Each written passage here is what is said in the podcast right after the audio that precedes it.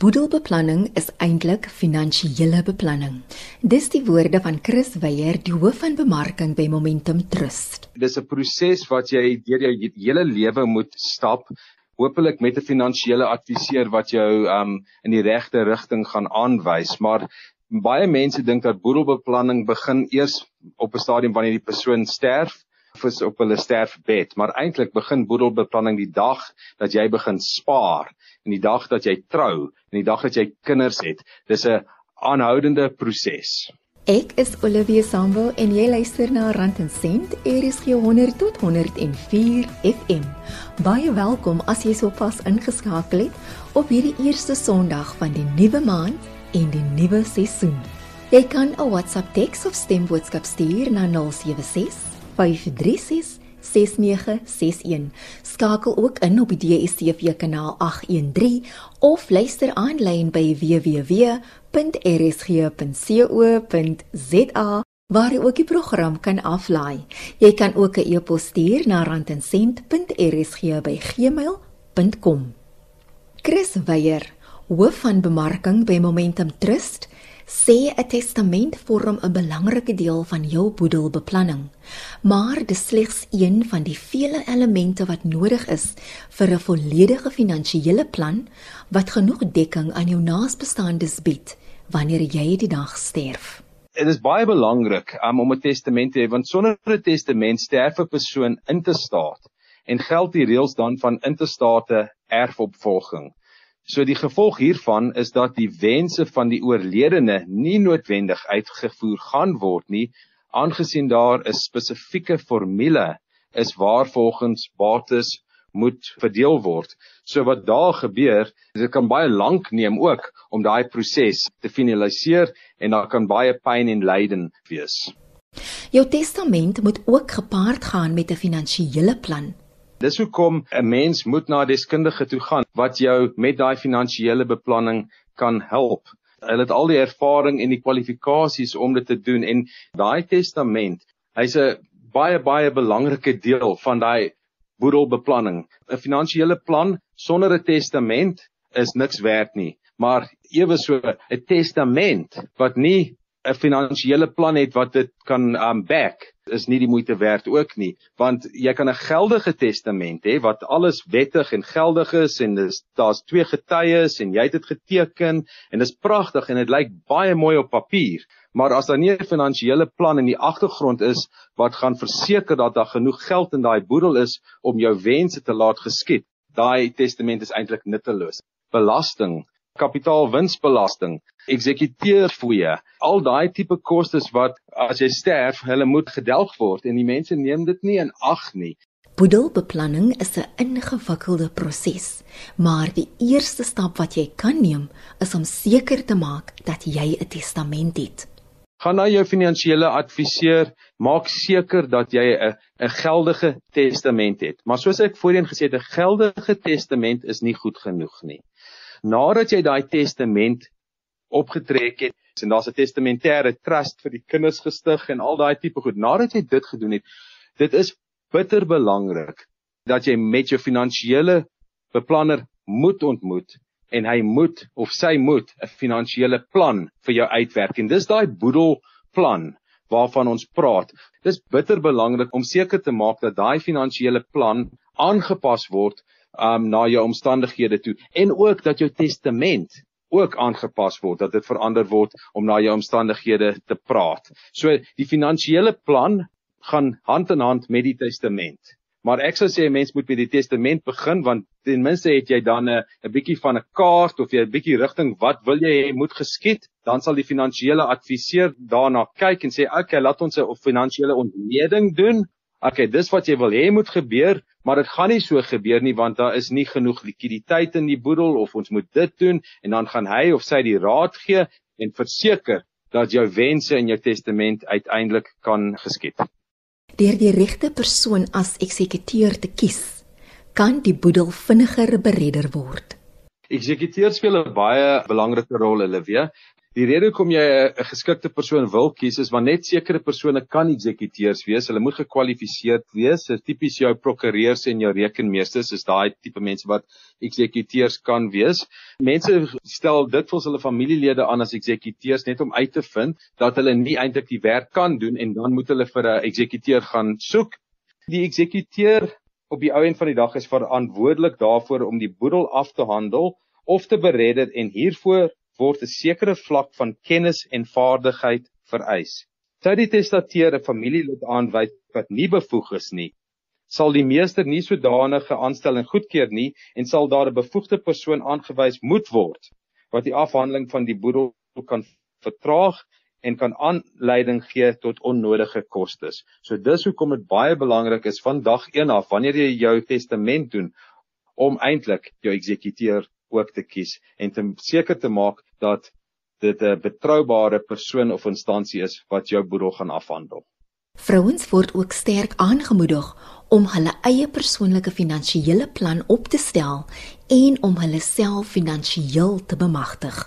En ek is 'n pa met 3 dogters en 'n seun. Die grootste ding daar is lees soveel as moontlik rondom finansiële aangeleenthede en vestig 'n verhouding met 'n betroubare, gekwalifiseerde finansiële adviseur om jou by te staan om 'n finansiële plan te formuleer. En dan bly by die plan en hersien dit wanneer omstandighede verander of hersien dit ten minste jaarliks. Maar dit is baie baie belangrik. Jy moet daai pad met 'n professionele persoon stap.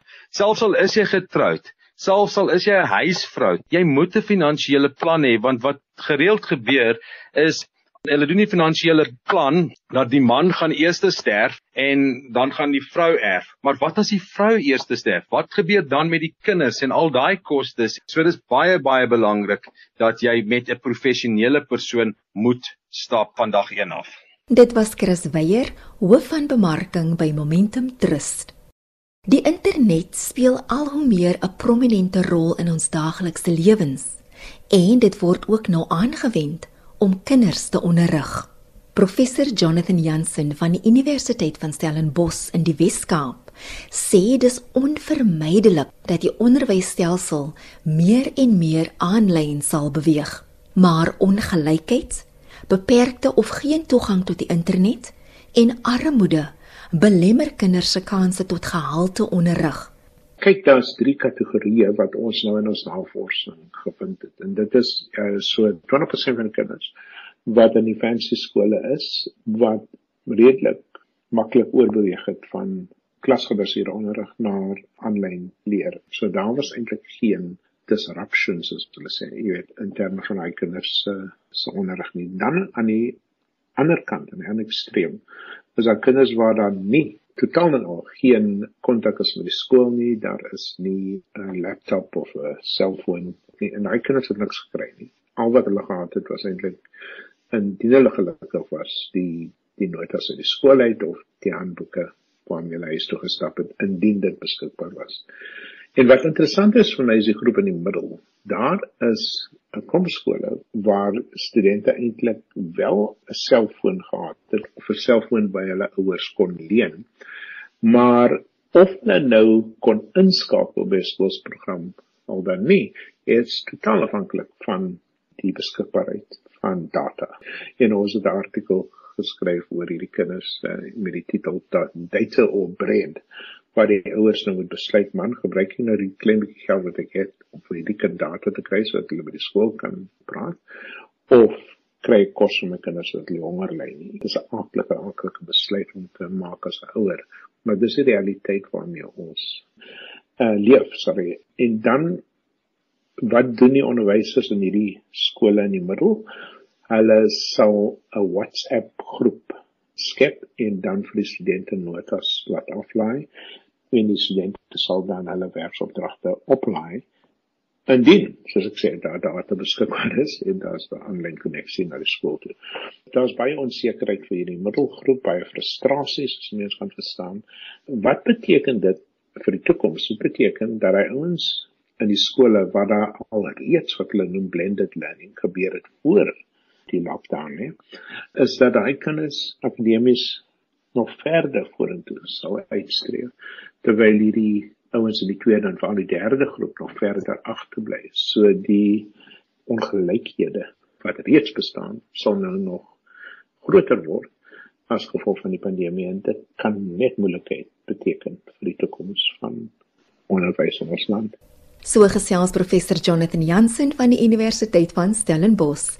Die vervaardigingssektor is nog baie afhanklik van stoom vir hulle daaglikse produksies.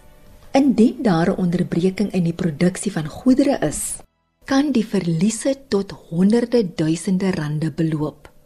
Dis juis om die rede dat dit noodsaaklik is om 'n gebeurlikheidsplan te hê as jy in die sektor is. Johan Kretzinger, hoof van Energy Partners se stoomdivisie, sê 'n stabiele stoomverskaffing is krities vir besighede in die vervaardigingssektor. Die vervaardigingssektor is die is die bedryf wat seker die die meeste afhanklik is van stoom. 'n Stabiele stoomverskaffing is is vir hulle krities. En dit is natuurlik ook nou die die sektor wat hierdie jaar die hardste seker geslaan is met die, die lockdowns en goed. Hulle sê in April het die vervaardigingssektor met 49% gekrimp. Ja, so stoom word gebruik gewoonlik in fabrieke, weet van kleinerige tot die heel grootste fabrieke. Dit word gewoonlik gebruik om sterilisasieprosesse te mee te doen of kookprosesse of drogingsprosesse. Ek moet sê dis amper die die hart van die prosesse in 'n eh, in die fabrieke. As 'n onderbreking in jou stoomverskaffing kom, dan gaan staan jou fabriek.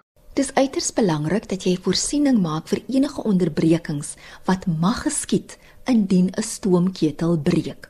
In meeste gevalle sal hulle meer as een stoomketel hê om 'n mate van bystand te skep omdat dit so 'n uh, kritiese deel is van die vervaardiging. So jy wil gewoonlik volle bystand hê dat indien jou jou stoomketel buite werking gaan of jou hoofstoomketel dat jy 'n uh, tweeëreen het wat kan uh, aanlyn gebring kan word dat jou fabriek nie hoef stil te staan nie. Want meeste fabrieke as hulle stil staan, kos dit letterlik honderde duisende rande per dag of selfs miljoene rande per dag wat hulle verloor in produksie. Kundiges in die stoombedryf het al hoe skaarser en duurder geword en besighede moet nou van kontrakteurs gebruik maak om stoomketels te diens. Jare gelede het meeste fabrieke ingenieurs gehad. Jy weet daar was genoeg marges om om 'n uh, voltydse ingenieurs in besighede te hou. Maar dit is ongelukkig nie meer die geval nie. So deesdae word meeste ketels gediens deur eksterne kontrakteurs. Energy Partners stoom is so maatskappy wat dan daai onderhoudsdienste verskaf aan besighede met stoomketels. Stoomketels hou gewoonlik baie lank en is baie betroubaar. Dit hulle is ook onderhewig aan aan statutêre toetse, klein toetsies hier maar jaarliks om net seker te maak al die veiligheidsstelsels werk nog en dan groter statutêre toetse, 3 jaarliks. Dit word dan deur onafhanklike inspekteurs ook gedoen en hulle sal vir jou sê of weet of jou ketel nou aan die einde van sy lewe kom en of hy vervang moet word. Maar partykeer kan hy daai toetse slaag en dan kan er nog steeds goed gebeur wat sekere komponente kan faal en dan kan jy vir 'n paar dae of weke of selfs maande sonder stoom wees. Ehm um, so mense moet maar net 'n plan hê vir indien so iets gebeur. Jy moet 'n goeie verhouding hê in alle tye met 'n betroubare maatskappy. Jy moet amper daai maatskappy op soos hulle sê op speed dial hê. Jy weet as een van jou ketels gaan staan, dan moet jy op kort kennisgewing die maatskappy kan laat inkom dat hulle weet wie jou jou toerusting weer aanlyn kan bring. Dit is ook belangrik om in so 'n verhouding saam met die verskaffer van sulke dienste mooi te kyk na jou jou toerusting en seker te maak daar's genoeg bystandkapasiteit om jou risiko vir vir toerusting wat faal te mitigeer. Indien goed buite werking gaan, dan staan jou prosesse nie noodwendig doodstil nie. Besigheidseienaars in die vervaardigingssektor moet altyd 'n gebeurlikheidsplan hê en 'n goeie verhouding met 'n diensverskaffer om te verseker dat die onderbreking in hulle produksielyn so kort moontlik is. Ja, so ek dink dit is nou meer belangrik as as ooit vir vervaardigers om om 'n vertroubare verskaffer van stoomverwante dienste te hê en jy moet sekerheid hê wie jy gaan bel indien noodsaaklike toerusting val. Ehm um, dis die enigste manier om om besighede bestand te maak teen onvoorsiene probleme. Jy kan dit selfs vooraf gaan en met jou diensverskaffer saam na jou stelsel kyk en seker te maak jy verstaan wat is die vlak van bystand wat jy het in jou in jou stoomstelsel. Dat indien daar seker goed gaan uh, gaan val en dit is maar net altyd 'n kwessie van tyd voor daar goed val, dan weet jy wat om te doen en dan weet jy wie om uit te kry en jy weet wat jou opsies is. Johan Kritzinger van Energy Partners. Dit kan ontsettend duur wees om by 'n universiteit te studeer. En al kwalifiseer 'n student vir 'n beurs, beteken dit nie dat al die uitgawes gedek word nie. So as jy op universiteit studeer en uh, jy kwalifiseer vir die staatslening, dis nou die NSFAS, né? Dan afhanklik van hoe veel geld jy nodig het of wat jou omstandighede is, kan jy totaal en al jou studiegelde gedek kry en en dan ook die luses en handboeke en hierdie soort van onkoste. Maar as jy in die middel val en jou ouers behaal nie daai thresholds soos hulle dit noem nie, dan moet jy ook deel van jou studies betaal. So dit hang natuurlik af van elke individu en sy bepaalde omstandighede. Die probleem met hoër onderwys is daar's nooit genoeg geld nie want om te swat gaan oor meer as net klasgelde en lusies dit gaan oor 'n hele klomp ander onkoste wat 'n student ook verantwoordelik is. En so die idee van free higher education soos die studente beweging dit genoem het is natuurlik op sigself nie haalbaar nie. En dan is daar ook die probleem dat as jy universiteit toe gaan, dan kan jy nie geld maak vir jou familie nie omdat jy nou eintlik swat. En dit beteken dat se geld wat inkom nie en dan se geld wat uitgaan. En daai twee faktore is verantwoordelik vir die feit dat studente wat die geld hulle ook al het op universiteit terugstuur huis toe om reis te ondersteun. En ons het baie sulke studente in Suid-Afrika. So dis duur of jou koste, jou basiese koste gedek word al dan nie, is dit nog steeds duur om op universiteit te swat en dit is 'n uitdaging waarmee baie studente vandag nog sukkel. Dit was professor Jonathan Jansen van die Universiteit van Stellenbosch. Dis 'n komplekse probleem wat nie maklik opgelos kan word nie, maar as jy akademies bo gemiddeld goed presteer, is dit makliker om finansiële hulp te kry. Byvoorbeeld as beurse wat vir jou eintlik genoeg geld gee om nie bekommerd te wees as jy gaan slaap in die aand nie. En dan is daar beurse wat vir jou geld gee, maar dit sal nooit eintlik alles kan dek nie. En dan kry jy studente wat een of twee of drie beurse het. En dit is ook uh, gewoonlik moeilik om te kry want maatskappye sal gewoonlik vir jou sê ons gee vir jou hierdie beurs op gronde dat jy nie 'n beurs vir 'n ander instansie. En dan as jy sukkel, as jy vakke dryp as jy nie deurkom nie. As jy uit 'n swak skool op stelsel uitkom en nou dryp jy nog 'n vak of 2, dan begin die beursgelde ook verdwyn en dan sê weer in die moeilikheid. So hierdie is soos jy sê 'n komplekse uh, saak. En ek sê altyd vir studente, ek kan baie maklik vir jou geld in die hande kry, maar dan moet jy vir my bewys dat jy uitstekende akademiese rekord het dat jy nooit 'n module gesleep het nie. En dat jy in 'n veldrigting is wat vir onafhanklike mense wie ek gewoonlik nader uh, aantreklik is. So ou byvoorbeeld ek het vir 'n student wat 6 of 7 onderskeidings in matriek gekry het sy is van Zimbabwe daar is 'n manier dat sy geld van die Suid-Afrikaanse staat sal kry vir haar studies nie. So vra sy my of ek kan help en ons het eintlik vir al 5 jare by van studie by Wits totale fondse gekry en dit is totaal gedek en ander mense het ook vir geld gegee om te kan lewe. Boonbou en studies. So jou akademiese rekord is alles. Ek meen en as jy goed doen, ongeag jou omstandighede of laat ek sê ten spyte van jou omstandighede dan is jy baie meer aantreklik vir uh iemand wat jou wil befonds selfs in hierdie moeilike ekonomiese omstandighede. So elke jaar kies ek 4 of 5 studente met daardie akademiese profiel. En want ek weet hulle gaan slaag, ek weet hulle gaan graad gaan. En ek weet hulle saak raak die harte van mense soos hierdie Zimbabwese student. Ek meen hierdie kind kry al simbole vir feitelik alles, jy weet. in haar eerste jaar. Dit gebeur weinig vir enige student en vir alle studente uit arme omstandighede.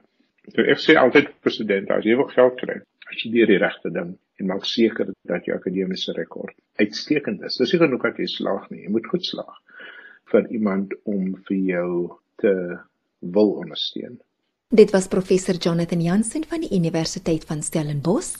Ek het ook gesels met Johan Kritzinger van Energy Partners en Chris Weyer van Momentum Trust. Ek is Olivia Sambo en dis totsiens tot volgende week.